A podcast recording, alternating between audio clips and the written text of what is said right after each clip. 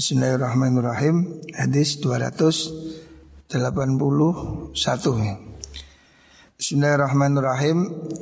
Inna allaha ta'ala yudnil mu'minah.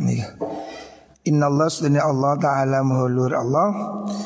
Iku yudni marakakan sinten gusti Allah al mu'mina ing mu'min Fayadau mongko nyelehaken sapa Allah. Alaihi ing atasi mukmin kanafahu ing tutupi Gusti Allah. Berlindungan wasidrahu lan tutupi Gusti Allah min, minan nasi sanging menungso. Wa yuqarriruhu lan netepaken sapa Allah. Hu ing nas ing mukmin bidunubihi kelawan pira-pira dosane mukmin Fayaqulu moko dawu sapa Allah Ata'rifu ana ta sira dan bagada ing dosane mengkini Ata'rifu ana ta sira kabeh weruh sira dan bagada ing dosa mengkini Maksudnya Allah itu karena saking belas kasihannya sama orang mukmin, Allah tutupi dosa-dosanya dari depan manusia ya. Allah tutupi kejelekannya. Jadi kita ini kalau seandainya dipuji oleh manusia, sesungguhnya karena indahnya tutupnya Gusti Allah. Kalau Allah membuka semua aib kita, kalau Allah membuka semua celah kita, pasti manusia itu jijik pada kita. Jadi kalau kamu merasa ada orang menghormati kamu, kalau kamu merasa ada orang sungkan sama kamu, itu karena indahnya tutupnya Gusti Allah. Yang indah itu tutupnya Gusti Allah. Allah menutupi kejelekanmu, Allah menutupi kebohonganmu, Allah menutupi kebusukan hatimu sehingga Allah itu menampakkan kamu baik di depan manusia. Jadi kalau kita dipuji orang yang harus dipuji itu sesungguhnya Gusti Allah. Karena yang menampakkan baik itu Allah. Seandainya Allah itu buka tutup kita, Seandainya Allah tampakkan semua kejelekan-kejelekan di hati kita, kebusukan-kebusukan, kebohongan, kecurangan, apa yang dosa kita lakukan, pasti manusia itu tidak suka sama kita. Ya, jadi jangan sekali-kali merasa diri baik, jangan sekali-kali merasa diri hebat. Ya. Walaupun kita sudah melakukan puasa, jangan merasa hebat. Ya. Karena kita ini kalau melakukan kebaikan harus lebih takut apakah amal kita diterima atau tidak oleh Gusti Allah. Kita tidak tahu kan apakah puasa kita diterima oleh Allah. Jadi orang itu setelah amal harus ada ikhlas, setelah ikhlas itu harus ada khauf, harus ada rasa takut. Apakah Allah menerima amal kita? Ya. Jangan sekali-kali merasa sombong. Ya. Nah Allah itu menutupi kejelekan kita. Allah itu menutupi kebusukan kita. Kalau Allah tampakkan kejelekan kita di depan semua manusia Pasti manusia ini tidak suka sama kita ya. Jadi kalau ada orang memujimu Sesungguhnya dia memuji indahnya tutup Allah pada dirimu.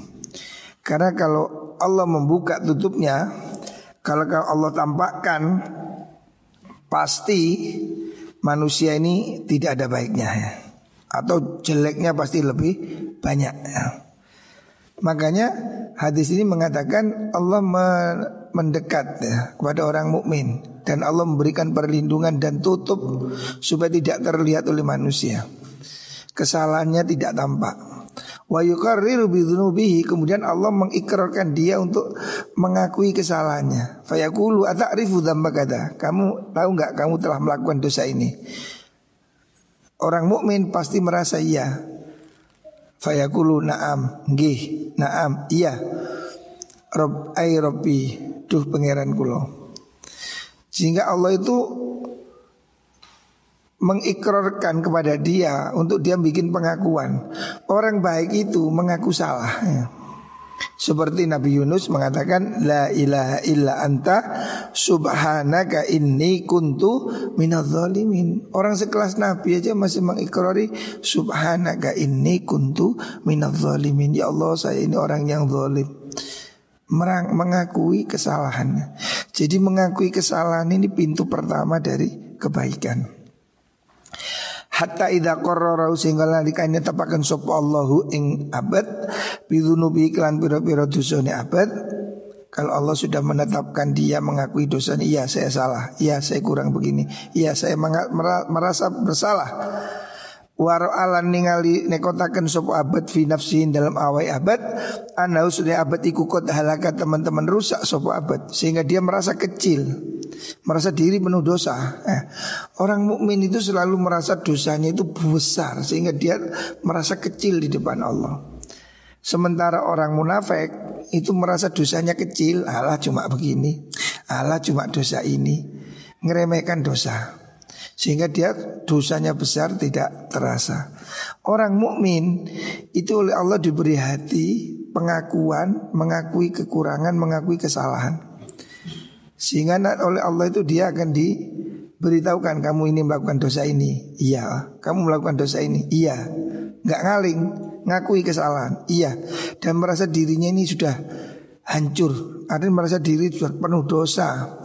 Qala Kemudian Allah akan berkata Fa inni kot satar Tuhan Fa ini sne insun iku satar tu teman-teman nus nutupi ingsun ha ing mengkuno zunub alika ing atasi siro Fit dunya ing dalam dunya. Dulu aku telah tutupi kesalahanmu di dunia. Wa ana uta ingsun iku aghfiruha ngapura ingsun ha ing zunub laka maring sira al yauma indam saiki dino kiamat di hari pengadilan Allah. Suma yuk to nuli den paringi sapa mengkono mengkono abad kita bahasana tihi ing biro-biro kitab kebagusane abad biyaminihi kelawan tangane Abdul Mukmin niku. Al mukmin niku. Jadi orang mukmin ya. Semoga kita termasuk golongan orang mukmin. Orang mukmin itu oleh Allah ditutupi dosanya di dunia. Supaya dia, tapi dia dengan ditutupi itu tetap merasa dia berdosa. Saya melakukan ini salah, saya melakukan ini salah. Jadi bukan berarti ditutupi kemudian merasa merasa nggak ketemon, terus merasa bebas, bukan. Allah menutupi karena Allah menyayangi kita. Allah itu tidak menampakkan keburukan-keburukan kita. Apa yang di hati kita, apa yang ada dalam pikiran kita, apa yang kita lakukan waktu nggak ada orang kalau tidak tampakkan kan?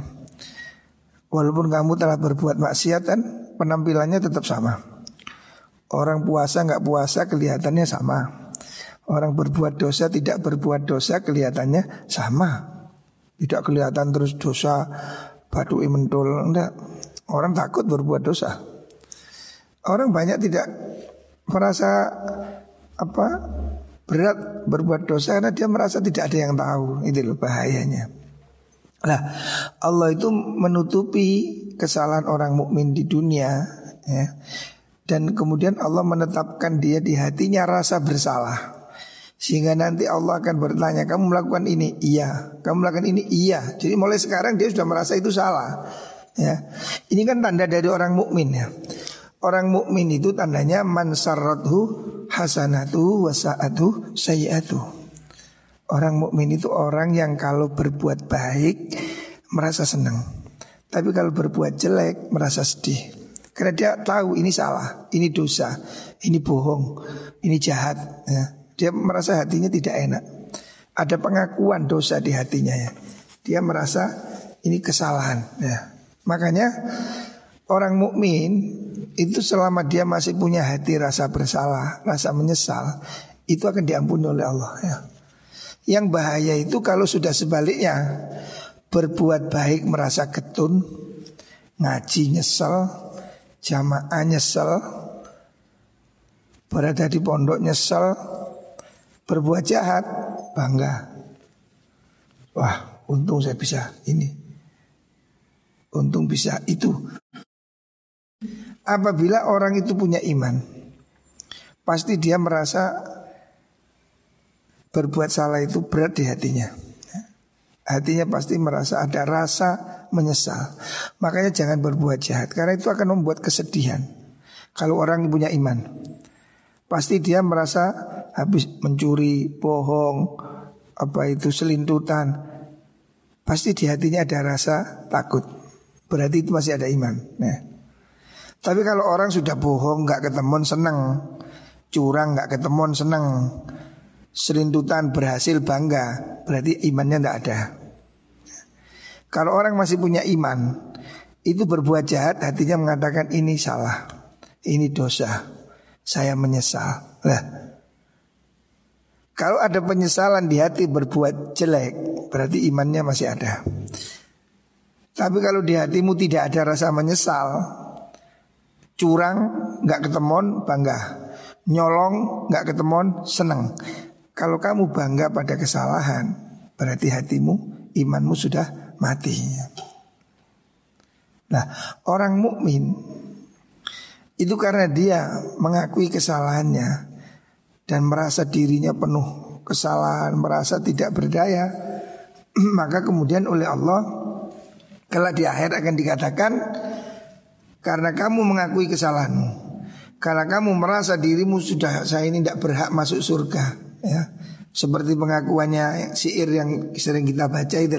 Kalau hari Jumat Ilahi lastulil firdau si ahla Ya Allah saya sudah tidak berhak masuk surga ini Dosa saya terlalu besar Tapi wala akwa ala naril jahimi. Tapi saya tidak mampu masuk neraka Tidak kuat saya tidak tahan. Yang dimohon apa?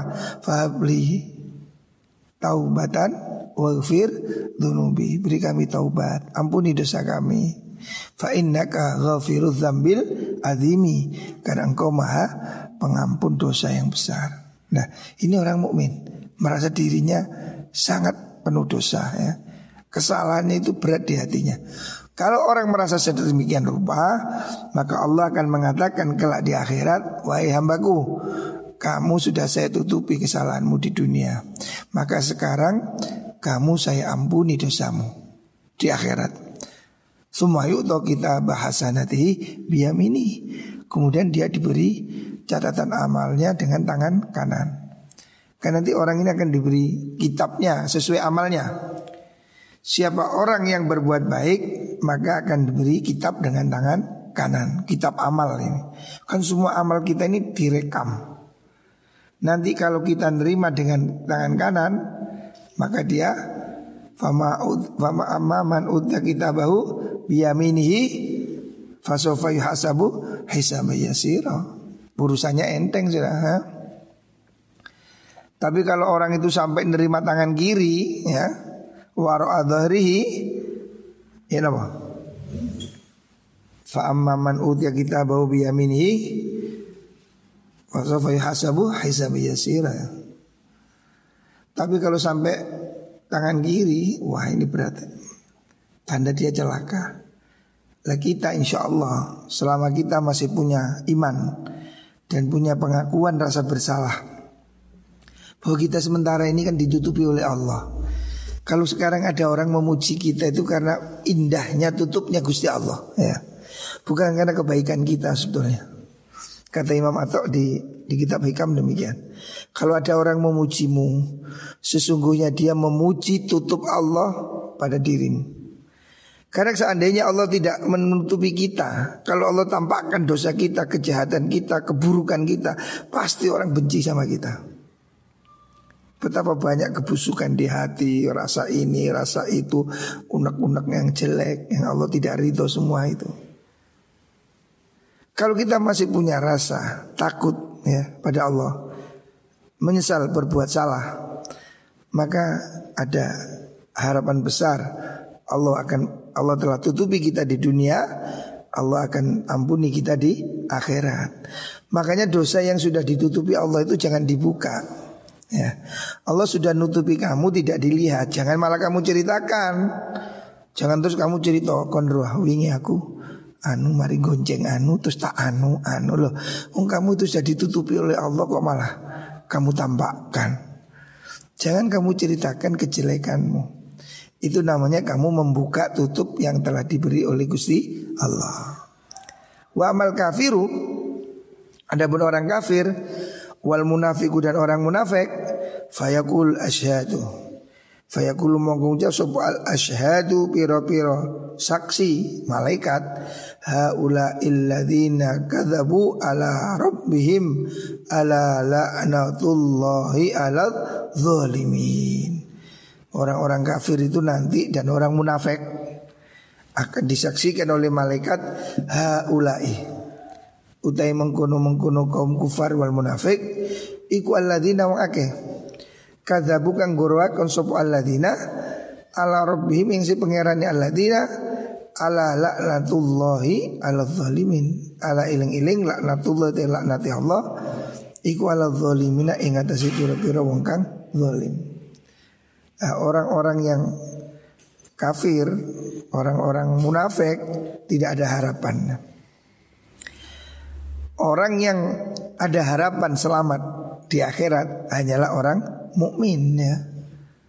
Jadi jangan kamu ikut aliran yang mengatakan semua orang apa pun agamanya masuk surga. Dari mana? Orang kafir itu tidak ngakui keesaan Allah ya. Allah mengatakan yang akan saya ampuni itu orang mukmin ya. Ana aghfirul hal yaum ya. Bahwa yang tidak ada yang bisa ngampuni dosa kecuali Allah ya. Hanya Allah yang bisa ngampuni itu. Nah, Imam Ghazali mengatakan hadis ini berkaitan dengan orang yang menutupi kesalahannya dan tidak menampakkan dosanya, tidak bangga dengan dosanya, gitu Ampunan Allah ini bisa diharapkan bagi orang yang tidak berbuat dosa terang-terangan. Maka jangan kamu bangga berbuat dosa. Jangan terang-terangan melanggar atau ngajak orang ya. Dan kalaupun tidaklah kamu lakukan di depan orang, jangan diceritakan. Gitu. Jangan kamu telah berbuat jahat, terus kamu ceritakan pada orang. Saya kemarin, anu, nolong, nganu, terus diceritakan. Ya sama aja itu. Ya. Jadi dosa yang mungkin ya sangat diharapkan bisa diampuni Allah itu dosa yang kita lakukan dengan ketakutan Tidak terang-terangan Tidak nentang terang-terangan Ataupun tidak kita cerita-ceritakan Bahwa kita karena menyesal Itu aib ya Tidak kita tidak kita pamer-pamerkan Nah dosa seperti itulah Yang mempunyai harapan Akan diampuni oleh Gusti Allah ya. Begitu juga Apa namanya Hadis ini menolak pada orang Mu'tazilah. Pamer-pamer. Menolak pada orang Mu'tazilah yang mengatakan bahwasanya orang berdosa besar itu tidak bisa diampuni Allah ya. Atau orang khawarid yang mengatakan orang berbuat dosa itu kafir ya. Itu tidak benar Menurut kita orang ahlu sunnah wal jamaah Orang berbuat dosa seperti apa pun masih mungkin diampuni oleh Gusti Allah ya. Tetapi ini khususnya adalah dosa-dosa yang hubungan kita dengan Allah ya. Gitu. Karena orang-orang yang berbuat zalim pada manusia itu nanti akan akan di akan dimintai pertanggungjawaban ya. Kamu pernah mukul orang, kamu pernah nyakiti orang, maka akan ada penghitungan penghakiman ya. Tapi kalau maksiat-maksiat kita pada Allah, nah itu yang itu yang pasti ya Allah akan mudah memaafkannya. Makanya kita Idul Fitri ini ada halal bihalal. Biasanya kan kita halal bihalal. Maksudnya apa halal bihalal itu? Minta maaf, maaf maafan. Ya. Halal halalan. Artinya halal halalan itu ya maaf maafan. Supaya kita tidak punya tanggungan pada manusia. Kalau pada Allah kita mohon ampun Allah, Allah mungkin mengampuni. Tapi kalau dosa kita pada manusia, kita harus menyelesaikan. Gitu. Selanjutnya,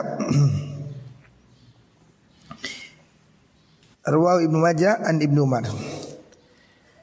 Inna Allah yuhibbu idha amila hadukum al-amala ayyuqinahu.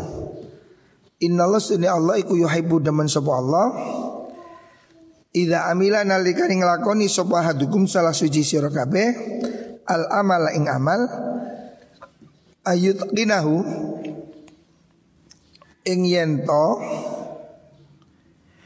ngukuhaken sapa abad hu ing amal. Allah itu suka kalau orang berbuat sesuatu ya. Itu hendaknya dilakukan dengan sungguh-sungguh ya. Dengan dengan jangan sepil, jangan setengah-setengah gitu. Kalau berbuat baik itu yang yang tulus, sungguh-sungguh ya. Jangan beramal itu uh, secara serampangan ya. Jadi kalau orang itu bekerja, bekerjalah yang baik ya. Allah itu suka kalau kamu itu sungguh-sungguh sholat ya yang sungguh-sungguh, bekerja yang sungguh-sungguh gitu. Tentu saja harus ada ikhlas ya. Jadi sungguh-sungguh itu lebih disukai Allah. Pekerjaan kita ini lakukan dengan dengan baik dan benar. Biasakan menyelesaikan tugas itu dengan baik. Kalau kamu diberi tugas, itu kemudian kamu harus mampu melakukannya dengan baik. Jangan malah tinggal tidur. Kalau kamu merasa kamu punya kewajiban, lakukan kewajibanmu itu selesaikan. Kalau nggak bisa, bagaimana bisa? Gitu Supaya kamu ini dipercaya sama orangnya. Kepercayaan itu mahal. Ya. Kalau kamu bisa diandalkan, pekerjaanmu beres, pasti orang itu suka. Kamu kan disukai orang. orang itu pinter macam apa pun ya. Pangkatnya berapa berapa baris. Tapi kalau tidak bisa diandalkan, tidak disukai orang. Nah. Kon ini mencelek, kon runo mencelek, kon ngalor ngidul, kamu tidak akan pernah dapat kepercayaan. Ya. Tapi kalau kamu bekerja sungguh-sungguh, ya, fokus, ya, di mana kamu berada fokus, ngaji fokus, kerja fokus, apa pun lakukan dengan fokus. Ya. Itu pasti akan berhasil dengan baik ya. Ada pun ibadah yang fokus ya, ibadah yang sungguh-sungguh itu bagaimana? Ya ikhlasnya harus ada tinggi, dilakukan sungguh-sungguh, tapi juga dengan ikhlas yang sungguh-sungguh ya. Jangan ada riaknya, jangan ada pamrih-pamrihnya, uh, hadis riwayat Imam Tabrani.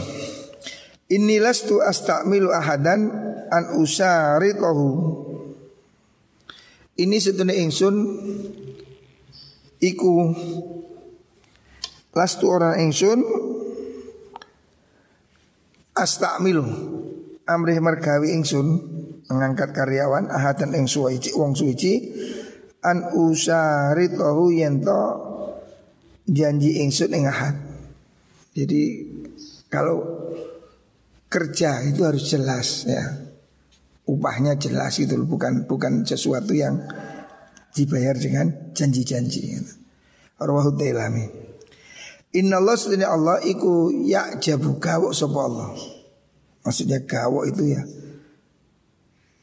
tidak apa heran ya, tidak ingkar.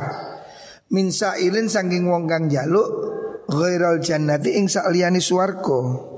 Allah itu heran ya, heran dalam arti Allah itu ingkar. Kok ada orang minta selain surga gitu. Ah, kok ada orang minta pada Allah selain surga? Padahal surga ini kenikmatan tertinggi sudah. Kok si ake orang minta selain surga Kok masih banyak orang minta ini urusan remeh-temeh Minta ini ya Allah, minta handphone ya Allah, minta anu, minta sepatu, minta sendal, minta baju ya. Wa min mu'tin dan Allah itu heran dari orang yang memberi yukti kang aweh sapa mu'tin li ghairillahi krana Allah, tidak karena Allah. Allah itu heran itu. Heran dalam arti takjub ingkar. Allah itu ingkar gak suka kok ada orang minta selain surga gitu. Minta duniawi. Minta yang tertinggi itu ya mintalah surga itu.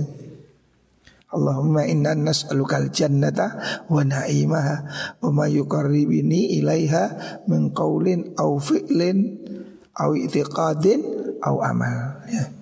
Di antara doa Nabi itu Ya Allah saya minta surga Dan hal-hal yang membuat saya dekat ke surga apa itu perbuatan atau ucapan atau keyakinan yang membuat saya masuk surga. Eh, mintalah surga. Jadi tujuan tertinggi kita itu surga ya. Motivasi tertinggi kita itu akhirat, jangan uang. Uang itu berapa? Kalau kamu kerja untuk uang, berapa sih uang itu? Tidak akan memuaskanmu.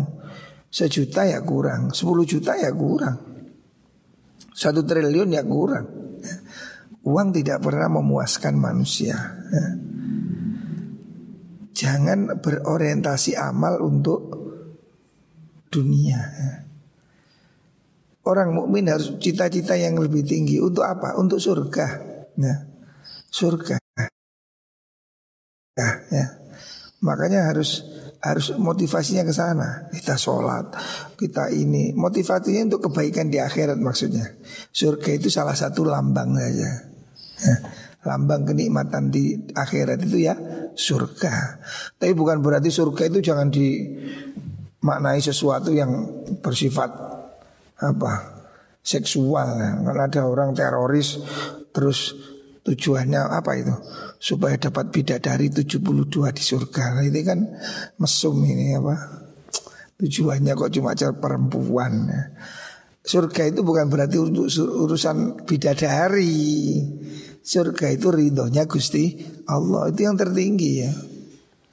Yang tertinggi dari surga itu adalah bertemu dengan Allah. Itu sudah kenikmatan tertinggi di surga itu itu. Kenikmatan di surga itu bukan soal bidadari cantik-cantik. Terus setiap orang dapat 72 bidadari seksi. Itu bukan bukan itu tujuannya.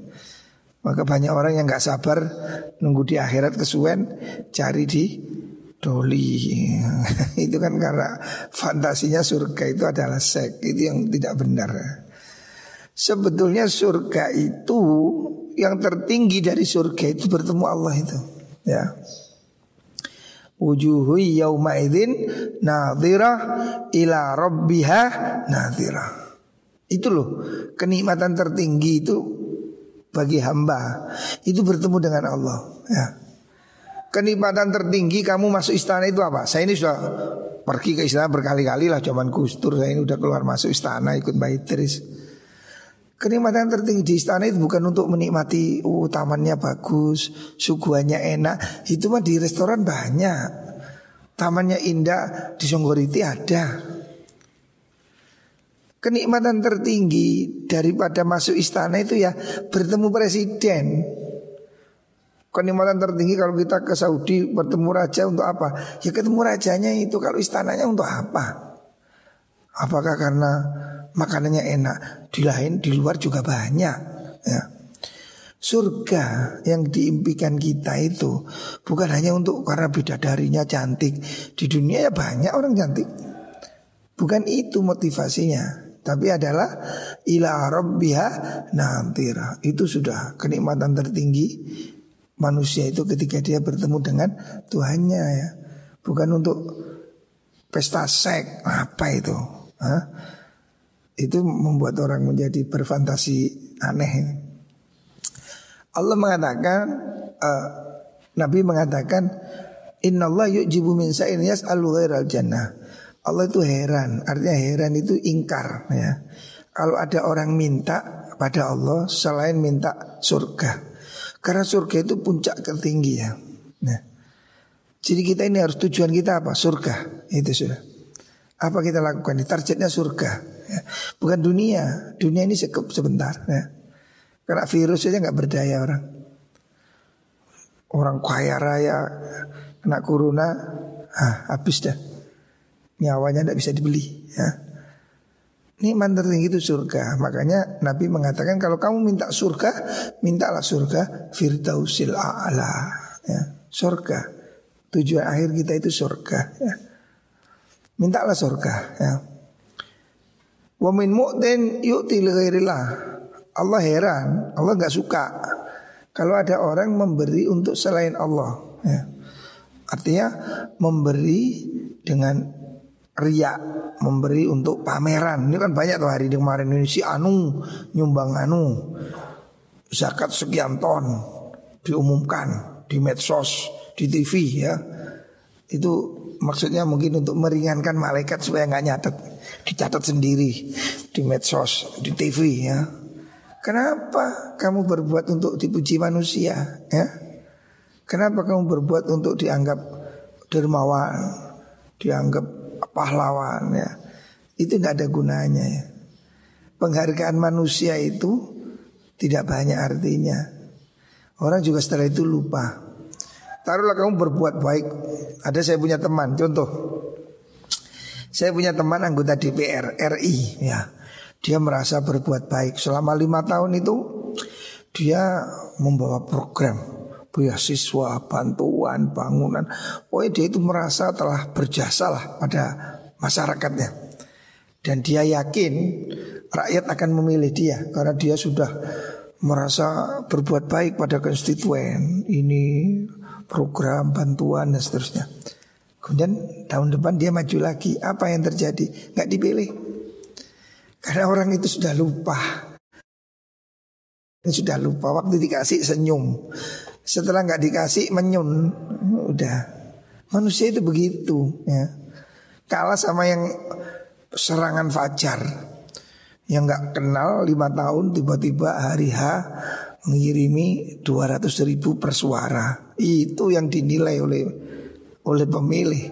Itu yang berhasil. Makanya pilihan-pilihan di Indonesia ini tidak bisa menjadi menghasilkan pemimpin yang baik. Karena apa? Orang memilih karena uang. Ya.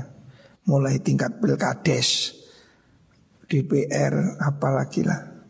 Aroma uangnya tinggi. Orang berbuat ada transaksi. Nah, kalau kamu berbuat untuk selain Allah, kamu akan menyesal. Ya.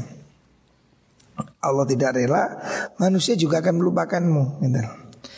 Wa min muta'awwidhin yata'awwadu min ghairi nar. Allah juga heran min muta'awwidhin saking wong kang jaluk kabaurekso, saking wong kang jaluk perlindungan. Allah heran kalau ada orang minta perlindungan min ghairi nari saking liyane neraka. Orang ini ancaman tertinggi itu ya neraka itu ya. Karena neraka itu menghancurkan semua nikmat ini. Hari ini orang lebih takut mana? Neraka sama kuruna. Takut mana? Takut corona. Orang dibilang corona di Cina. Waduh semua orang takut sudah. Jangan pergi masjid, jangan terawih, jangan jamaah, sholat hari raya di rumah. Ketakutan kepada corona luar biasa. Tapi ketakutan pada neraka bagaimana? Ay, kamu kalau nggak sholat masuk neraka, takut nggak orang? Enggak, eh nggak sholat banyak. Kalau Allah mengatakan, hei kamu jangan berbuat ini, orang nggak takut. Awas loh ya, kamu masuk neraka. Nggak takut, padahal neraka itu jauh lebih mengerikan ya. Corona ini ya, fakta, ini fakta. Orang kena corona itu 94% itu sembuh. Jadi corona itu bukan kematian. 94% orang kena corona itu sembuh. Ya. Bukan berarti kena corona pasti mati enggak. Fakta, fakta corona menyebabkan sakit iya. Tapi yang mati karena corona itu sebetulnya cuma kecil, prosentasenya kecil. Rakyat Indonesia berapa? 300 juta. Yang mati karena corona berapa? Seribu sekian lah, nggak sampai dua ribu.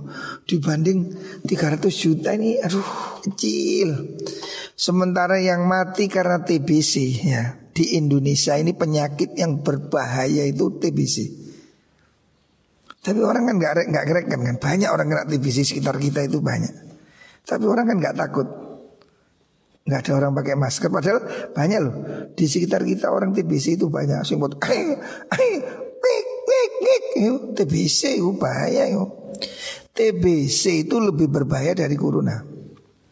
Tapi orang ngeremehkan. TBC itu padahal bahaya. Orang TBC itu muta darah. Dan kematian karena TBC di Indonesia, di Indonesia ya, Kematian karena TBC setiap tahun itu 92 ribu per tahun setiap jam, setiap jam orang mati karena TBC itu 10 orang di Indonesia. Sementara yang mati karena corona berapa? Eh? TBC ini per jam, orang mati per jam itu 10 orang. Kalau di rata-rata di Indonesia, bukan di Wuhan, bukan di Amerika, di Indonesia. Ya. Jadi sebetulnya sejak lama kita itu berhadapan dengan penyakit berbahaya itu. TBC itu jauh lebih bahaya loh. Dan TBC itu pengobatannya nggak gampang. PTBC itu 6 bulan paling minim bisa setahun pengobatan rutin ya. Banyak orang nggak mau berobat karena frustasi harus minum obat 6 bulan sampai satu tahun. TBC itu jauh lebih bahaya ya. Ya kalau kamu sering waktu-waktu ini harus harus periksa. Kalau kamu TBC, kamu tidak minum obat itu kamu mencelakakan orang lain jauh lebih bahaya dari corona. TBC itu jauh lebih bahaya dari corona. Karena TBC itu diremehkan. Banyak orang TBC tetap berkumpul manusia, tetap kumpul orang lain. Padahal penularan TBC ini terbukti ya jauh lebih berbahaya. Nah kalau ada anak watu-watu sering waktu harus dicekkan itu. Kalau dia TBC harus diisolasi harus dan dia harus sadar dia tidak boleh membahayakan orang lain. Karena TBC ini jauh lebih berbahaya dan mematikan dalam jangka panjang. Tapi orang nggak takut. Corona ini, ya Allah, sampai hari ini hari raya ini loh orang nggak kunjung. Orang yang biasanya sonjo nggak sonjo. Sampai sholat hari raya di rumah Bayangkan ketakutan pada corona Luar biasa tapi ketakutan pada neraka gimana? Kiai-kiai sampai beledek sih ngomong bahaya neraka, neraka nggak ada orang takut. Siksanya, waduh, ada yang kiai nyeritakan apa? Biasanya kalau Isra Mi'raj kan diceritakan betapa siksaan manusia di akhirat itu kan ada gambaran toh kisah tul Mi'raj biasanya bahwa Nabi dulu waktu Isra Mi'raj ditunjukkan oleh Allah. Ada wanita yang dijantur kepalanya dengan rambutnya bayangkan rambutnya digandul. Kenapa ini? Orang suka buka aurat. Ada orang yang ditusuk dari tuburnya tembus kepala. Kenapa ini? Oh ini tukang zina. Ada orang yang ditembus dada sampai punggung. Kenapa ini? Waduh dosa yang siksanya itu ngeri-ngeri di sate, di ini, di itu. Gak takut orang. Hah? Dosanya berzina ini di sate, digoreng, dipanggang. Oh, orang zina embruk-embrukan. Oh ini dosanya bergunjing, ngerasani apa itu? Ilatnya dikeluarkan, digunting, keluarkan lagi, gunting lagi, gunting waduh bagaimana ilat digunting sakitnya kayak apa? Tumbuh digunting, tumbuh di. Tapi apa orang takut nggak ngerasani? Eh, ya tetap saja gosip malah masuk TV itu namanya program apa? Silit apa silet apa eh, apa itu? Alah sudah pokoknya orang ngerasani itu menjadi komoditi sekarang bisa dijual ya. Gosip silit apa itu? Padahal ancamannya ngerasani Uh, Nabi ceritakan digunting-gunting. Ada orang yang cakar-cakaran mukanya sampai hancur. Ada waduh oh, siksa akhirat itu digambarkan Nabi itu ngeri-ngeri ngeri semua, ngeri ngeri ngeri.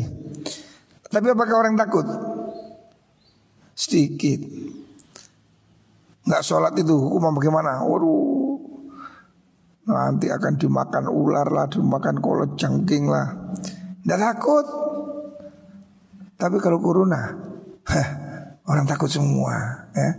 Heran, ya Allah heran ini kok ada orang lebih minta dilindungi Allah lindungi saya dari corona tapi tidak minta dilindungi dari neraka ya. Padahal sisa neraka itu bagaimana? Sisa neraka itu masya Allah. Paling ringannya apa? Paling ringannya aja. Sepuluh ribu tahun ya ada diceritakan orang yang apa siksa paling enteng. Siksa paling enteng di akhirat itu apinya cuma sampai ke mata kaki tapi otaknya mendidih bayangkan. Itu yang paling ringan itu sudah kelas neraka paling ekonomi itu sudah. Yang VIP bagaimana? Neraka yang paling enteng itu Api di kaki aja yang yang yang otaknya yang mendidih. Ngeri. Tapi apakah orang takut neraka? Hah? Atau matul kubro? Apa ada orang takut? Sedikit, sedikit. Orang lebih takut pada kuru. Makanya Allah heran. Allah heran kalau ada orang minta perlindungan dari selain neraka. Oh, neraka itu yang menyedihkan kamu kok nggak takut, tapi kamu lebih takut lapar. Ya Allah jauhkan saya dari kelaparan. Ya Allah jauhkan saya dari penyakit. Ya Allah jauh ya boleh. Tapi kamu kok nggak minta dari neraka ini kan aneh itu. Nah terus gimana? Ya semua kita minta ya. Allahumma inni a'udzubika minan nar Ya Allah saya jauhkan dari neraka. Wa ma yukarribuni ilaiha Jauhkan saya dari apa yang menyebabkan saya mendekat ke neraka. Jangan sampai saya deket aja jangan ya Allah. Min kaulin Apa itu dari ucapan Omongan yang jelek, jahat, kotor ya. Au fi'lin atau perbuatan Au amalin ya Atau amal. Au atau keyakinan ya. Nabi kalau doa kan begitu Nabi kan doanya komplit. Allahumma inna na'u nas'aluka minal khairi kulli ajili wa ajili ma'alimna minhu wa ma'lam na'lam. Wa na'udzubika minasyarri kulli ajilihi wa ajilihi ma'alimna minhu wa ma'lam na'lam. Allahumma inna nas'aluka jannata wa na'imaha wa ma yuqarribuna ilaiha min qawlin aw fi'lin aw i'tiqadin aw amal ya mintalah surga dan apa yang membuat kita akan masuk surga? Perbuatan, tindakan, keyakinannya. Wa na'udzubika minan nar. Ya Allah jauhkan saya dari neraka. Wa may yuqarribuni ilaiha dan sesuatu yang membuat saya dekat ke neraka. Apa itu? Min qaulin, mungkin ucapan, ucapan yang tidak benar. Au fi'lin atau perbuatan, au amalin atau amal satu amal amalan yang membuat kita masuk neraka. Inilah yang diajarkan oleh Rasulullah Shallallahu Alaihi Wasallam. Semoga kita semua diampuni dosa oleh Allah. Semoga Allah menerima amal ibadah kita dan semua kita insya Allah masuk surga. Amin Allahumma amin. Barakatil Fatihah.